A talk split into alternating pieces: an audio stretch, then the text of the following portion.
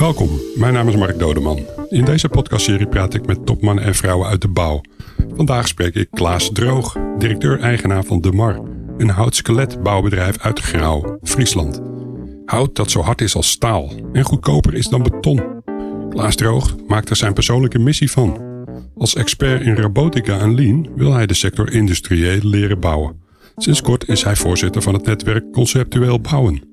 Hij verwacht dat aannemers straks inkopers worden van prefab-elementen en niet massaal hun eigen woningfabrieken beginnen. Klaas Droog is geboren in 1965 in Utrecht. Welkom Klaas. Ja, welkom Mark. Jij ook bij ons op uh, in het uh, zonnige uh, grauw en de mooie watersportomgeving. Dus van harte dus welkom. Zijn je nou zonnig? Ja, nou ja, zonnig. Ik zie altijd Een beetje grijze, grijze dag vandaag. Ik was benieuwd, woon jij nou zelf eigenlijk in een uh, houten huis? Ja, sinds kort uh, woon ik in een gedeeltelijk houten, uh, houten huis. Ik ben net verhuisd en het grappige is dat dat hm. huis gebouwd is door een klant van de Mar. Ja. En ook de componenten van de Mar in verwerkt zijn. Dus dat ben ik eigenlijk heel, zeer blij mee. En dat was jouw opdracht of was dat een toeval? Uh, nee, dat, was, uh, dat huis is al tien jaar geleden gebouwd. Dus uh, ja, ik vond het erg leuk dat ik nu in mijn eigen product kon wonen. Wanneer ben je eigenlijk hout-minded geworden? Ik ben hout-minded geworden eigenlijk al heel lang geleden als klein jongetje. Uh, mijn, mijn, opa was opzichter bij Rijkswaterstaat en uh, maakte zijn eigen meubels. En die heeft mij eigenlijk het liefde doorgegeven van het maken van meubels en het werken met hout. Een aantal jaar geleden ben ik directeur ook geweest bij de, de Klerk Binnenbouw. En de Klerk Binnenbouw maakte interieurs, houten interieurs voor megajachten. En ook daar heb ik weer de liefde voor hout ontdekt. En daarna ben ik eigenlijk bij de markt gekomen. En wat maakte je met je opa dan bijvoorbeeld? Uh, allerlei kasten, uh, bedden, um, dressoirs, allemaal dat soort producten maakten we samen. Ja, prachtig. Ja, ja. Oh. Want je komt oorspronkelijk niet uit de, de bouw, hè? Nee, ik kom niet uit de bouw. Ik kom ja. eigenlijk uit de wereld van staal en productontwikkeling. Ja. Um, ooit toen ik op mijn 22 voor mezelf begonnen ben, ben ik begonnen met een ingenieursbureau in productontwikkeling. Hm. En ik heb eigenlijk uh, in het verleden heel veel machines ontwikkeld. En uh, in, in verschillende sectoren, klopt. Oh ja, dat is dus een hele andere wereld. Uh, hoe kwam het dat jij die overstap maakte? Nou, ik, ik vind het fijn om elke tien jaar te veranderen van sector. Hm. Omdat als je lang in een sector zit, dan verlies je eigenlijk het nadenken over de vragen die gesteld worden op het moment dat je in een nieuwe sector komt, dan moet je ook zelf weer vragen stellen, omdat je de kennis van de materie niet hebt. Ja. En dat ervaar ik als uh, heel erg fijn. Dus daarom stap ik af en toe na tien, tien, ongeveer tien jaar over. En waarom kies je dan de bouw uit? Want het is toch een, een andere wereld. Uh, toen ik hier acht jaar geleden kwam, toen, uh, toen heb ik me verdiept in, in de bouw. En onder andere ook in de prefab. En toen zag ik al van de manier van bouwen, dat is wel een manier die we in de industrie niet kennen. Ik noem dat massa-ambachtelijk bouwen. Nou, hm. massa en ambacht gaat nou niet zo lekker samen. Dus toen dacht ik, nou, die markt voor die uh, prefab bouw, die zou de komende jaren wel eens uh, behoorlijk kunnen gaan groeien.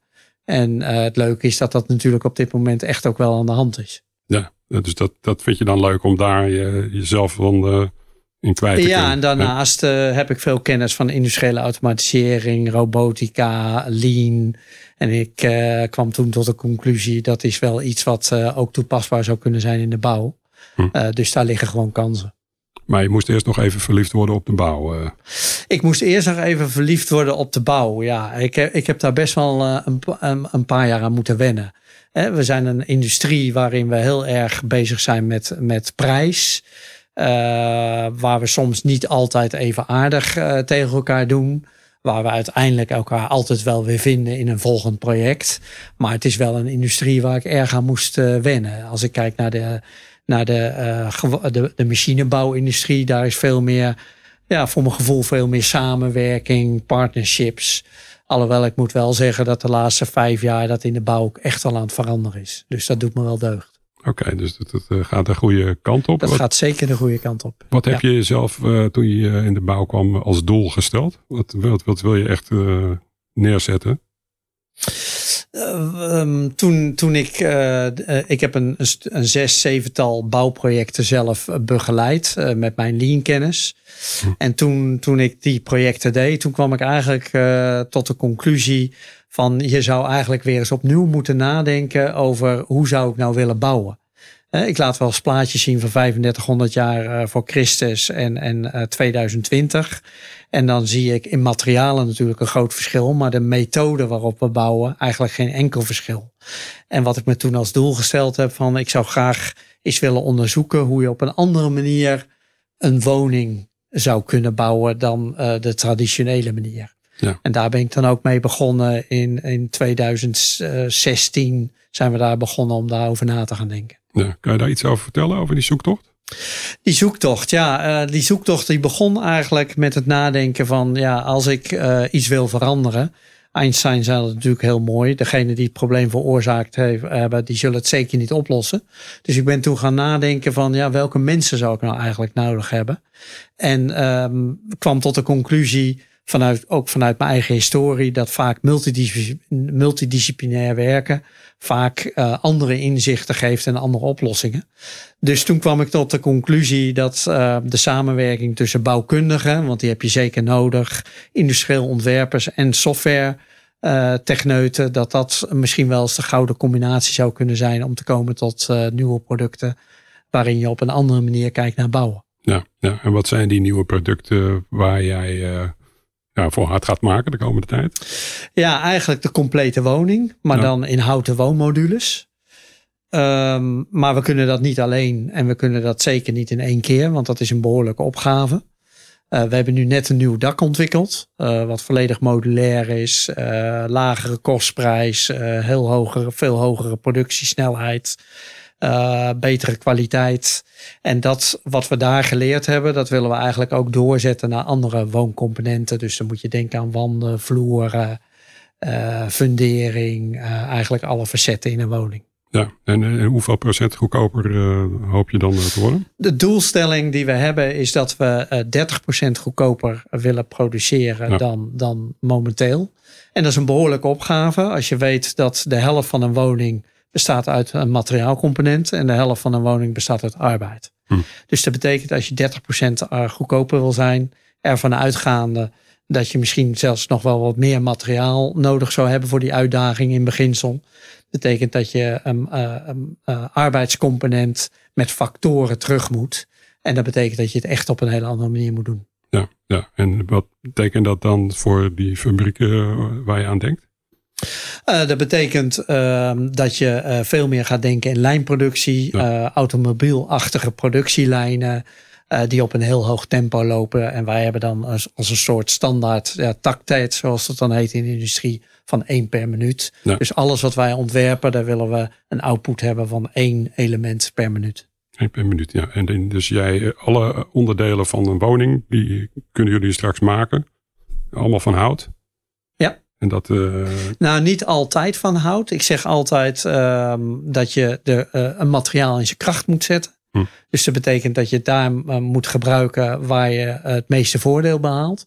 Dus soms is dat hout, soms is dat beton en soms is dat staal. Hm. En ik zeg altijd, ja, hout waar het kan en, en beton en staal waar het moet. Ja, ja. Dus dat is een andere benaderingswijze. Ik ben niet per definitie tegenstander van andere materialen.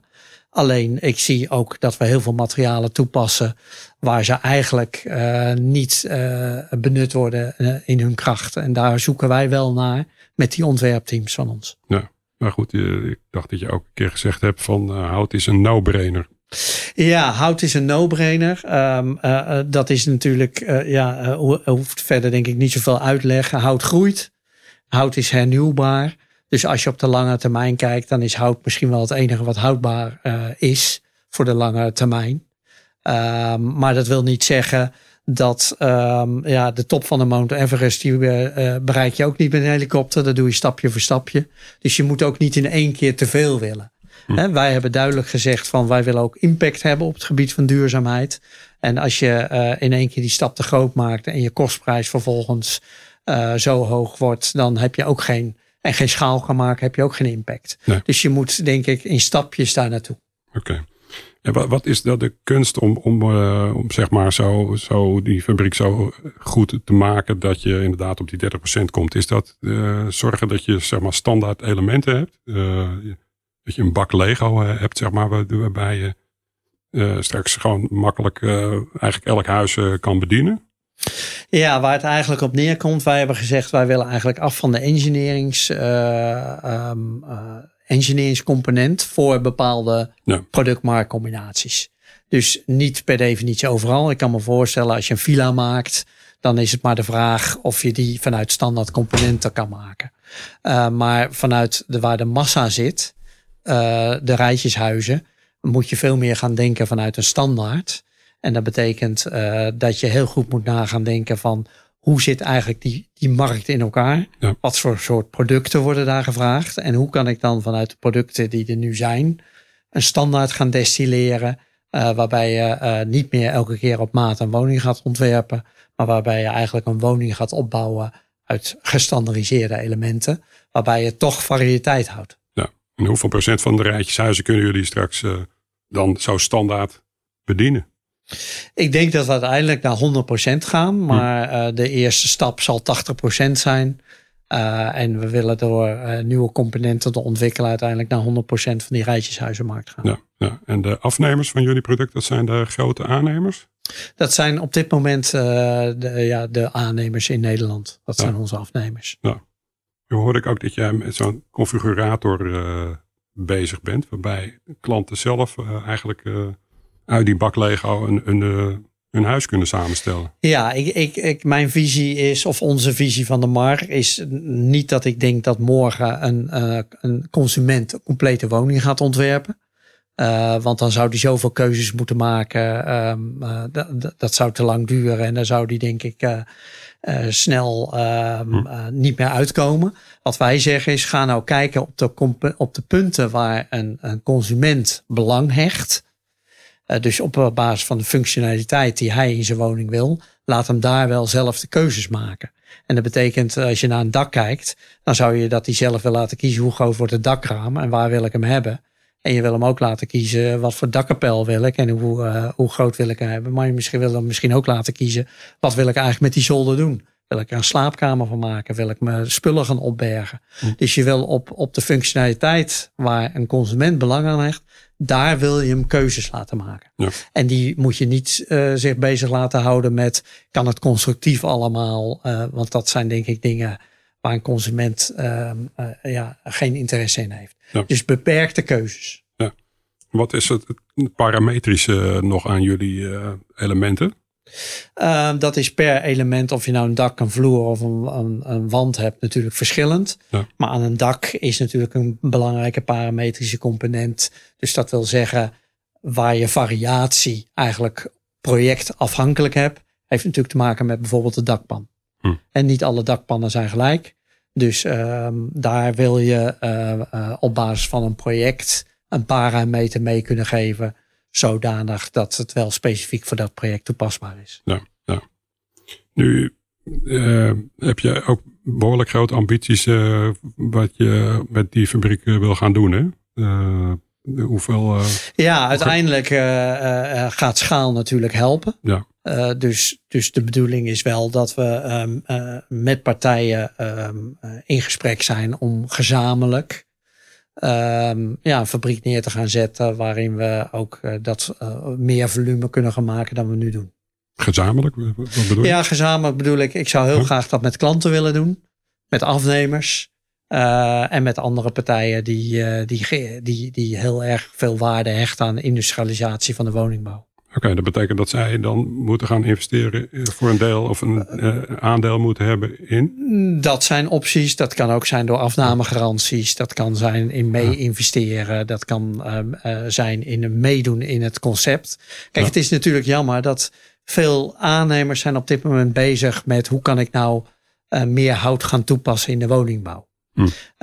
ja, op het moment dat we dat allemaal zelfstandig gaan doen zijn, dan zijn we dus allemaal opnieuw het wiel uit aan het vinden. Dus wat wij heel erg op dit moment propageren, laten we nu bij elkaar kruipen, laten we met elkaar verbinden en laten we het vooral samen doen. Uh, zodanig dat we de, uh, um, ja, de, de kennis die we daarin opdoen, dat we die met elkaar kunnen delen.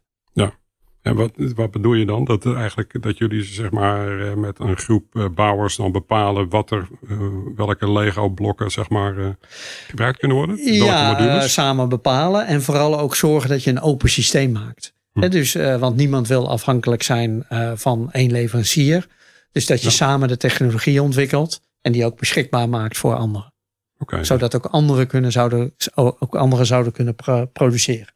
Oké, dus dat betekent straks uh, over een jaar of twee, drie dat misschien uh, andere bedrijven precies dezelfde Ja, dat vinden wij niet erg. Uh, Kijk, uiteindelijk is ons doel van de Markgroep is om de houtbouw te versnellen. Ja. En de houtbouw te versnellen, dat kunnen we alleen maar samen doen. Want hm. dat betekent dat die kostprijs eh, van het product uiteindelijk naar beneden moet. Oké, dus dat, dat is toch wel interessant. Maar is het dan, dan niet zo dat jullie een deel van de markt dan kwijt zijn? Uh, uiteindelijk uh, denk ik dat je um, alleen maar blijft bestaan als je je continu blijft doorontwikkelen. Hm. En ik denk niet dat het hebben van um, of het beschermen van je intellectueel eigendom, dat hm. dat de oplossing is voor zeg maar innovatie. Dus uh, het houdt ons scherp. We zullen, uh, natuurlijk wil ik graag een fabriek hebben waar ik voorloop op de rest. En dat, dat houdt me ook scherp. Dus, uh, en ik heb veel liever dat we die houtbouw versnellen. Uh, dat vind ik veel belangrijker en een veel belangrijkere opgave. En ik moet gewoon zorgen dat ik vooraan sta bij de ontwikkeling van mijn productieapparaat. Ja, want het open systeem waar je het over hebt, straks kunnen dan anderen dus ook dezelfde elementen bouwen. Maar als die dat over drie jaar doen, dan ben jij alweer vooruit met het bedrijf? Doe je? Dan ben ik alweer bezig met nieuwe componenten en met nieuwe uh, manieren van produceren. Ja, ja. En vooral de doorontwikkeling van het product. Ja. Worden aannemers in, in dit systeem wat jij beschrijft eigenlijk uh, inkopers van elementen? Of, of worden die eigenlijk ook medebepalers van het open systeem? Ik denk medebepalers. Hm. Um, tuurlijk beginnen wij met het eerste Lego doosje. Hm. Uh, want je moet ergens beginnen. Um, maar wij geloven dat de andere stakeholders in de keten. En dan moet ik denken aan bewoners, architecten en ontwikkelaars. Die willen we ook graag betrekken bij de ontwikkeling van de componenten in, in uh, dat bouwdoosje. Ja, ja. Um, um, producten waar we nu mee bezig zijn, uh, zien we ook een belangrijke rol voor de architect. Als je binnen de standaard blijft, die wij gedefinieerd hebben, willen we heel graag dat architecten ook een verdienmodel krijgen door daar um, uh, veranderingen aan te brengen binnen de standaard, waarin ze ook in toekomstige bouw uh, nog een verdienmodel hebben. Dus dat ze, als we op het moment dat we hun ontwerp toepassen, dat ze daar ook nog mee kunnen verdienen. En hoe bedoel je dat uh, verandering uh, aanbrengen binnen de standaard? Dus uh, ik neem aan dat ze niet alle vrijheid krijgen. Daarbij nee, niet alle vrijheid. Je moet het een beetje vergelijken met hoe op dit moment um, zeg maar de App Store werkt van Apple.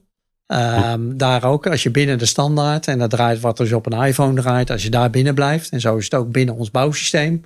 Als je daar binnen blijft, maar je wil een ander uiterlijk geven, dan kan je uiteindelijk, uh, dan nemen wij dat op in de bibliotheek en dan kunnen we dat ook aanbieden aan uh, andere uh, partijen. Dus aan ja. corporaties, beleggers, ontwikkelaars. Is dit wat jouw voorganger bij het netwerk conceptueel bouwen, Pieter Huibergs, bedoelt met modules die uitwisselbaar worden? Ja, uiteindelijk zou die, was, was, is dat wel het gedachtegoed geweest van het netwerk. Klopt. Okay. Maar hoe sta jij dan tegenover uh, het initiatief van Van Wijn om een eigen woningfabriek eh, te beginnen en zelf uh, alle elementen te maken? Ja, ik denk dat dat een keuze is. Um, ik denk dat de markt in twee, uh, twee, in, in, in tweeën gaat splitsen. Eén hmm. traject zullen aannemers zijn die de samenwerking zoeken met partijen in de markt. En de andere traject zal zijn dat er aannemers zijn die zeggen van wij pakken ook het productiestuk op. Hm. Wat ik bij Van Wijnen heb begrepen is dat het ook niet uh, ontstaan is uit uh, luxe. Um, er was gewoon noodzaak. Er waren nog onvoldoende partijen bezig met industrieel uh, bouwen en industrieel denken. Hm. dus ik hoop dat ook met ons, maar ook met de anderen die hiermee bezig zijn, uiteindelijk die noodzaak ook langzamerhand zal verdwijnen. Hadden ze niet bij jullie kunnen aankloppen dan? wij waren toen ook nog niet zo ver. Oké, ja. Maar is het, ja, het, het, wat Van Wijnen doet, is dat ook niet uh, ja, schuilt daar ook niet een ander gevaar in? De, dat, dat, want zij hebben dan een fabriek die, die alleen voor hun geldt. En zij hebben dus ook gewoon die fabriek moet maar gaan lopen. Dat zij daar ja, continu moeten blijven produceren. Als de vraag uitvalt, dan dat ze dan de ja, dat is de angst die nu wel in de markt leeft. Hm? de, van Wijnen heb ik begrepen uh, die wil opschalen naar 4000 woningen hm. Ehm, met die fabriek. En de vraag is wat er gebeurt uh, als je die fabriek niet goed gevuld krijgt. Hm. Wat doet dat dan met de prijs? Uh, daar hoor ik wel aannemers um, over praten. Van ja, wat heeft dit effect voor de lange termijn op onze business? Ja, want ze zouden dan de, aan prijsdumping ja, dat weet ik niet. Ik denk niet dat ze dat in eerste instantie van plan zijn. Eh, maar ik ken hun eh, beleid niet, dus daar moet ik ook ver van blijven. Maar het is natuurlijk wel zo, wij hebben al 27 jaar een fabriek. Een fabriek bestaat alleen maar bij de gratie van bezettingsgraad. Dus je verdient geld als die fabriek voldoende uh, produceert en uh, voldoende dekking heeft van je indirecte apparaat. Dus ergens als je fabriek stilstaat, dan zal je iets moeten doen. Want stilstaan kost meer dan misschien iets tegen een lagere prijs maken. En het model wat je beschrijft hè, van jullie eh, Lego stenen, het open systeem, is dat wel gewapend tegen uh, de markt, tegen de fluctuaties uh, van de vraag? Ja, wij hebben het wel zo slim uitgedacht dat we meerdere producten kunnen maken over dezelfde productielijnen, die hm. modulair zijn opgebouwd, die productielijnen. En daardoor zijn we minder afhankelijk van, um, van eigenlijk de fluctuaties in de markt. We hebben altijd fluctuaties. Uh, op dit moment maken wij rijtjeshuizen, uh, vrijstaande woningen en villa's. Um, en ik zeg altijd, ja, bij ons zijn de rijtjeshuizen de stenen. De vrijstaande woningen is het zand. En de villa's is het water. En dat emmertje van ons is altijd keurig gevuld. Hm. En uh, hoe je ook gaat produceren in een nieuwe fabriek. Je moet ervoor zorgen dat die emmer altijd goed gevuld blijft. Hm. In de nieuwe fabriek zullen wij dat doen met een variatie aan producten. Waar we, die we over dezelfde productielijnen kunnen laten lopen. Ja, ja. Nu eh, misschien nog even terug naar hout. Hè. Je bent uh, uh, daar toch wel redelijk fanatiek in hè, om, om hout goedkoper te maken. Ja. Hoe, hoe, zie, hoe zie je dat voor je? Hoe kan je ja, hout als je nu integraal, dat is een goede vraag, Mark. Als je integraal naar hout kijkt, dat heb ik een jaar of vijf, zes geleden is met een aannemer helemaal doorgerekend. En toen kwamen we qua beton en hout, als je naar de integrale kostprijs kijkt, eigenlijk gelijk uit. Hm. Ehm, maar wij zien veel aannemers ook die kijken naar de vierkante meterprijs. Nou, de vierkante meterprijs, um, uh, nogmaals, integraal gezien kom je er ongeveer gelijk uit. Maar als je er niet integraal naar kijkt, dus je zou beton casco vergelijken met een houten casco, dan ligt een, uh, op vierkante meterprijs ligt een houten casco hoger dan een betonnen casco. Hoeveel procent? Um, je moet ongeveer denken dat de, de kostprijs van een betonnen casco ligt zo'n beetje rond de 52 euro. En als je naar een, uh, een houten casco kijkt, uh, maar dan moet ik wel eerlijk zeggen dat daar de isolatie bij zit, zit je zo rond de 70, 75 euro. Ja. Dus daar zit nog wel een behoorlijk verschil tussen. Hm. En ik denk dat als je eh, de houtbouw wil versnellen, dan moet je die concurrentie aangaan. Dus ik inderdaad ben ik heel erg bezig hm. met hoe kan ik de concurrentie aan met beton. Ja, en wat, wat zie je dan als kansen? Dan uh, zie, zie, ik als kansen uh, door de factor arbeid uh, enorm terug te brengen. Hm. Um, en daardoor de kostprijs te verlagen. Maar dat, dat zouden de mensen van het beton ook kunnen denken, toch? Die, die kunnen hun beton nog goedkoper maken. Ja, ja, dat, maar dat zal ook altijd uh, een, een, een race blijven. Hm. Um, ik denk wel dat de duurzaamheidsgedachte die achter natuurlijk hout zit, uiteindelijk wel een belangrijke doorslag ook gaat geven. Hm. Uh, beton is natuurlijk nog niet hernieuwbaar. Dat halen we natuurlijk uh, van, van dichterbij of wat verder weg. Halen we dat naartoe. Er zit veel energie in. Hm. Um, ja, en hout groeit zelf, neemt CO2 op. Dus daar liggen natuurlijk de voordelen dan. Um, maar nogmaals, uh, uh, het, het, gaat alleen maar werken op het moment dat we producten kunnen maken die, die vergelijkbaar zijn. Ja, ja. dus dan, ja, als ook de markt vraagt om betaalbare woningen, kan ik me voorstellen dat hout ondanks de sympathieke duurzaamheidsgedachte erachter, toch echt goedkoper moet worden? Nee, als, je, als een casco 200 vierkante meter is en het, een houten component zal, houten casco zal een tientje per vierkante meter duurder zijn, dan is dat 2000 euro. Dat gaat een aannemer niet zo snel doen. Hm. Dat, dat kan het verschil zijn al. Dat kan dan het verschil zijn, ja. Oké, dus ja, bestaan er dan nieuwe vormen van hout? ik geloof dat je het had over een nieuw soort hout waarbij het lijm eigenlijk uit het hout gehaald ja, wordt er zijn, en er zijn nu hele, wordt. Ja, er zijn nu hele interessante ontwikkelingen gaande. Hm. een van de ontwikkelingen is een ontwikkeling die ontstaan is in Amerika. Hm. Um, dan wordt de lignine eigenlijk uit het uh, hout gehaald. Uh, lignine moet je eigenlijk soort zien als lijm. Hm. Um, de lignine wordt eruit gehaald en het hout wordt samengeperst. En daardoor krijg je eigenlijk hout wat uh, sterker en taaier is dan staal. Uh, waardoor je veel mat minder materiaal nodig hebt. En dat zijn wel ontwikkelingen waar ik absoluut in geloof voor de toekomst. Ja. Want hout is natuurlijk toch gewoon een heel bijzonder materiaal. En nogmaals, oneindig.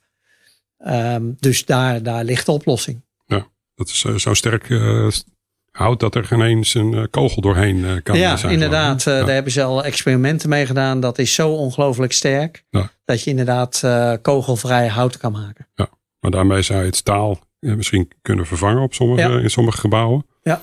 Maar hoe zit je dan uh, qua betaalbaarheid? Dat uh, lijkt mij dat. dat uh, Ook daar op zich, het proces is vrij simpel. Dus ik denk dat het niet duurder hoeft te zijn dan bijvoorbeeld het maken van een LVL of CLT. Hm. Dus ik denk uiteindelijk dat daar wel de oplossing ligt. Ja, ja, ja. ja. Daar moet ook nog verder onderzoek plaatsvinden om maar te zorgen dat het hout. ja, er wordt nu heel veel onderzoek. We noemen dit, dit valt dan onder de categorie nanotechnologie binnen hout. Hm. En daar wordt op dit moment wereldwijd heel veel aan ontwikkeld. En wij volgen die ontwikkelingen nauwgezet. Uh, doen er ook al af en toe proeven mee. Uh, is wel een weg waar ik voor de toekomst in geloof. Ja, ja, ja. ja. Is er nog ook concurrentie binnen de houtwereld? Hè? CLT versus HSB bijvoorbeeld. Is dat nog iets wat speelt? Of, of is, is dat geen concurrentie, maar dat zijn dat gewoon vriendelijke dat zijn uh, vriendelijke buren, zou ik ja. bijna zeggen. Heel goed. Um, nou, we zitten met de MAR zitten we nu binnen een technologiecluster. Dat uh, is georganiseerd voor TNO. En daar zitten onder andere wij in, maar ook uh, fabrikanten van CLT. En daar zijn we nou op zoek van um, hm. hoe kunnen we nou binnen de vraagstelling de juiste optimale combinatie maken tussen HSB en CLT. Ik geloof heel erg in optimaal materiaalgebruik. Uh, in sommige gevallen is CLT veel te veel materiaal. Um, en in andere gevallen heb je juist weer de sterkte van CLT nodig. En is het materiaal prima. Dus ik denk dat je steeds moet kijken, uh, wat ik in het begin van het gesprek ook aangaf, van waar zit de kracht van het materiaal en benut de kracht van het materiaal. Ja. En soms is dat CLT, soms is dat beton en soms is dat HSB. Ja, klopt dat dat van de, alle woningen, maar 3 tot, tot 5 procent van de woningen in uh, hout uh, gebouwd is? Of ja, is tot dat... nu toe is, uh, wij, wij zijn natuurlijk al 27 jaar voorvechter van, van hout. Want het Hm. is heel fijn wonen in een houten huis. Het accumuleert namelijk heel goed warmte. Ja. Dus het voelt heel prettig aan. Dat zal ook iedereen die erin woont kunnen beamen. Um, het feit is alleen dat we uh, toch wel veel negatieve associaties hebben met hout. Hè. We zien Hm. natuurlijk uh, houten huizen wegwaaien. En we zien uh, brand. En, maar dat zijn allemaal dingen van vroeger. Um, uh, het is daardoor wel, ook door de sterke betonlobby en, en het imago. En natuurlijk het feit dat wij, um, ja, uh, wij hebben rivieren. En rivieren heb je klei. En zo ontstaat eigenlijk een bouwwijze. is het nooit meer dan 3 tot 5 procent geworden. Ja. En dat is jammer, want er liggen enorme kansen voor hout. Ja, maar dat, dat, ja, in theorie liggen er dus kansen. Maar uh, zolang jij dan in die bouw zit, uh, heb je dan ook echt uh, Nederland al iets meer naar een houtland? nou, wat we nu zien is dat veel aannemers bezig zijn met de ontwikkeling van houten oplossingen binnen de woningbouw. Ja. Um, dus ik denk dat dat in de toekomst gaat groeien, maar niet vanzelf. Ja. daar, daar, daar zijn best nog wel barrières te overwinnen. En welke bedoel je op dan? Uh, barrières, het imago wat het heeft, is natuurlijk een barrière. zei, Ja. En een barrière is ook nog uh, de kosten, het Ja. integraal ontwerp van hout. Dus er is, nog wel, er is nog wel werk aan de winkel. Wat, wat zou nou, politiek Den Haag kunnen doen om, om zeg maar de, het houten huis wat meer op de kaart te zetten? Ik ben een, een, een, zeer groot voorstander van uh, Tjeerd de Groot. Tjeerd de Groot is Tweede Kamerlid van D66 en die heeft het over kringlooplandbouw. Ik zie een optimale combinatie met kringlooplandbouw, omdat op het moment dat we de veestapel gaan verkleinen, zouden we die grond ook kunnen gebruiken voor het, uh, voor het neerzetten van bossen. En die bossen zouden we weer kunnen gebruiken om die houtbouw verder te stimuleren. Hm. Uh, dat is wel iets waar ik in geloof. Ja, want en zo is... geven ook de boeren weer een, een nieuw verdienmodel.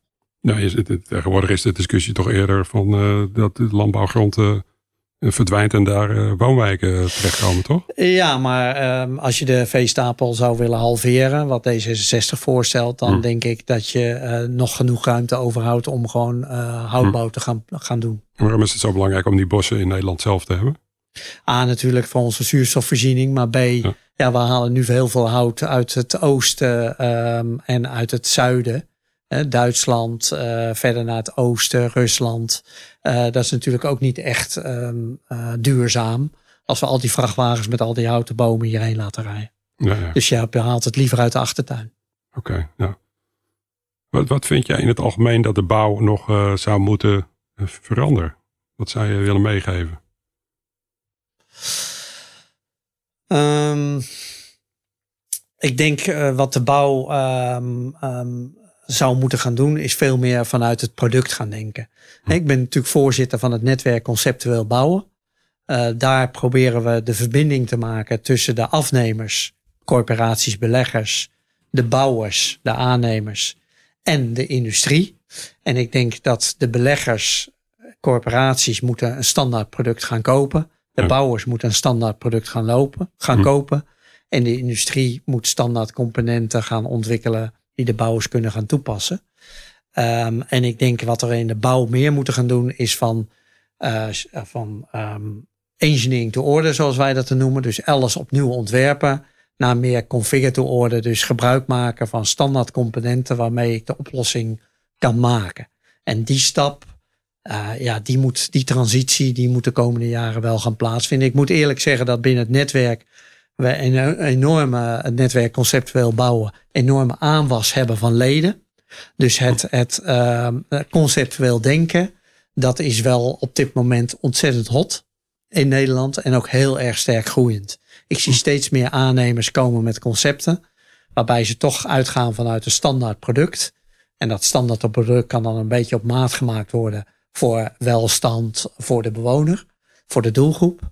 Uh, dat is wel enorm groeiende. En ik zou de bouw mee willen geven. Ga daar vooral mee door. Want ik denk dat daar uh, ook de oplossing voor de bouw ligt. Um, waardoor we de faalkosten enorm terug kunnen brengen als we uh, uitgaan van standaards. Ja, dus dat is ook de reden overigens dat ik voorzitter ben geworden. Ik geloof daar heilig in. Dat als we die drie doelgroepen of die drie groepen met elkaar verbinden.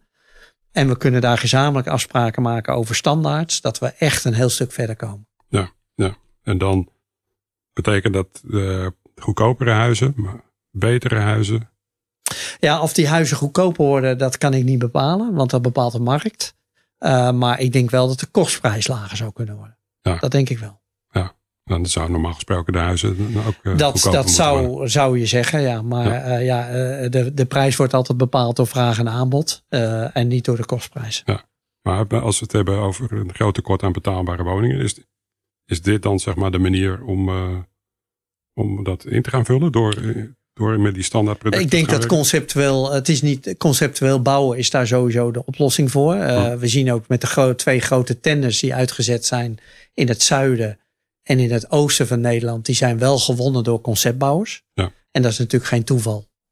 Uh, uiteindelijk is daar meer ruimte in, in, de, hè, in het oosten ging het over, ik geloof, uh, um, duizend woningen voor de prijs van uh, uh, 750. En uh, ik geloof in het zuiden ehm, zes woningen voor de prijs van vijf. dat is gewonnen door de conceptbouwers, omdat die toch meer ruimte hebben in hun, in, in hun concepten en de bijbehorende prijzen. Ja. Dus ik geloof dat daar wel de toekomst zit. En dat hebben die twee tenders wel aangetoond, denk ik. Ja, dus de bouw is op de goede weg. De meeste aannemers die woningbouwers die beginnen te snappen dat ze een, een stap moeten gaan maken. Ja, waar, wat ik veel hoor is, er is veel angst dat van ja, maar krijgen we dan niet allemaal dezelfde woningen?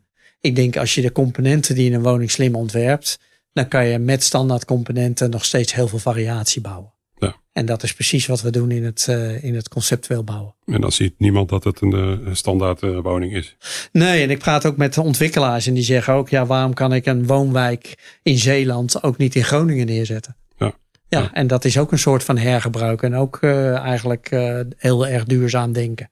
Dus dat moeten we meer gaan doen. Dat moeten we meer gaan doen, zeker. Nou ja, uh, Klaas, je, je, zei van ik ga elke tien jaar ga ik naar een andere sector. Maar uh, uh, gaan we jou dan uh, toch over twee jaar weer kwijtraken in de bouw? Ehm, ja, dat, dat zou kunnen. Ik ben natuurlijk nu al wat, wat meer wat ouder. Um, ja, ik hou van vernieuwen, ook mezelf vernieuwen. Um, maar ik zou het toch wel erg leuk vinden om, om dat hele proces van naar die industrialisatie toe. Daar, daar zit natuurlijk een belangrijke passie van mij. Ja, daar zou ik toch nog wel wat van mee willen maken. Dus ik denk dat ik toch nog wel even in dit jaar, dit keer iets langer dan de tien jaar in de sector blijf. Ja, dan heb je toch een beetje je hart verpand uh, of, aan of, of het duurt gewoon langer in de bouw, daar moet je langer eh, blijven. Ja, ik denk dat het wat langer duurt. En het is natuurlijk een, ja, wel een, een hele leuke sector om in werkzaam te zijn. Ja, ja. Oké, nou. Klaas uh, Droog, bedankt voor, voor dit gesprek. Iedereen uh, bedankt voor het luisteren naar deze podcast. Op cobouw.nl vind je nog veel meer informatie en verhalen over bouwondernemers. Check vooral ook de andere podcast in deze serie en abonneer je op onze podcastserie in je favoriete podcast app.